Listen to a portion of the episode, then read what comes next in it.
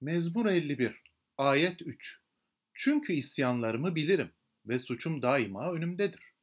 Acaba suçu ve isyanı bilmek ne anlama geliyor?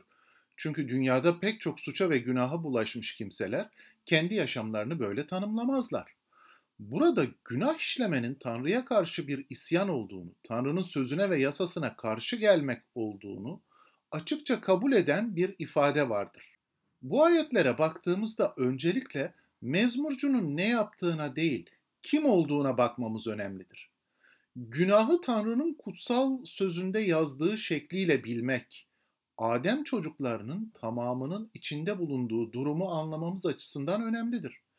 Çünkü Adem'deki bir insanın düşüncesi ve duyguları, işleri ve sözleri, bütün bunların hepsi tamamı günahın gücü altındadır. Mezmurcu günah işlediğini açıkça kabulleniyor, Tanrı'nın önünde saklanamayacağını da kabullenmiş bir durumdadır. Benzer şekilde sizler de günah için bahane aramaktan vazgeçtiğinizde mezmurcunun buradaki tecrübesi gibi affedilme tecrübesini yaşamak için hazır olursunuz. Bu açık itiraf Tanrı'ya ve sana karşı günah işledim, ben artık senin oğlun olarak anılmaya layık değilim diyen kayıp oğlun meselini hatırlatıyor Luka 15. bölümdedir. Ve bu açık itiraf aynı zamanda ölmüşken dirilmek, kaybolmuşken bulunmak şeklinde bir yenilenme tecrübesi olacaktır. Bütün mezmura baktığımızda bunları görebiliriz. Tövbe ve iman ile Mesih'i yürekte kutsamak böyle bir tecrübedir. İşaya 59'u hatırlayalım. Diyor ki sana karşı çok kez baş kaldırdık. Günahlarımız bize karşı tanıklık ediyor. İsyanlarımız hep yanı başımızda. Suçlarımızı kabul ediyoruz. Yakup mektubunda da şöyle yazar. Tanrı'ya yaklaşın, o da size yaklaşacaktır. Ey günahkarlar, elinizi günahtan temizleyin. Ey kararsızlar, yüreklerinizi paklayın. Mezmurcunun burada ne yaptığına dikkat edin. İsyanlarımı bilirim derken Tanrı'ya karşı çok kez baş kaldırdığını, günahının ona karşı tanıklık ettiğini aynen ifade etmiş oluyor. Ve yine suçum daima önümdedir derken aynı zamanda bunu Tanrı'ya yaklaşmak için bir araç olarak kullanıyor.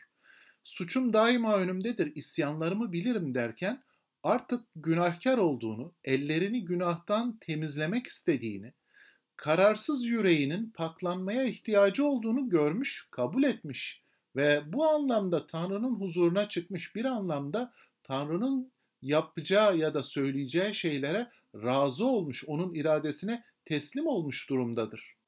Burada şunu düşünelim. Peki bizler suçlarımız ya da isyanlarımız konusunda mezmurcu gibi aynı cesaretle, aynı alçak gönüllülükle, açık bir şekilde yüzleşiyor muyuz? Bunu yapmaya istekli ve hazır mıyız? Eğer Mesih'in boyunduruğunda devam edeceksek, eğer sonsuz yaşam, günahların affı, bizlerin duası ve imanı ise biz de mezmurcu gibi günahla açık bir şekilde yüzleşmeliyiz. Kendi yanlışlıklarımızla, hatamızla, günahımızla, isyanlarımızla açıkça yüzleşmeli, bunu Tanrı'nın önünde açıkça itiraf etmeliyiz. Böylelikle Rabbin kurtaran sevgisi, yenileyen gücü kutsal ruh aracılığıyla üzerimizde, canımızda etkin olacaktır ve bizleri mezmurcunun tecrübe ettiği bir deneyimle yenileyecektir. Mezmurcunun buradaki itiraflarına, sözlerine bakaraktan biz de onunla aynı ruhta dua edelim o zaman. Tanrım, isyanlarımı bilmemi sen sağladın ve suçum daima önümdedir. İsyanım ve suçumla şimdi senin önündeyim. Bana merhamet eyle. Tümüyle yıka beni suçumdan, temiz olurum. Ve arıt beni günahımdan, kurtuluş bulurum. Sen kutsalsın, bana merhamet eyle. Amin.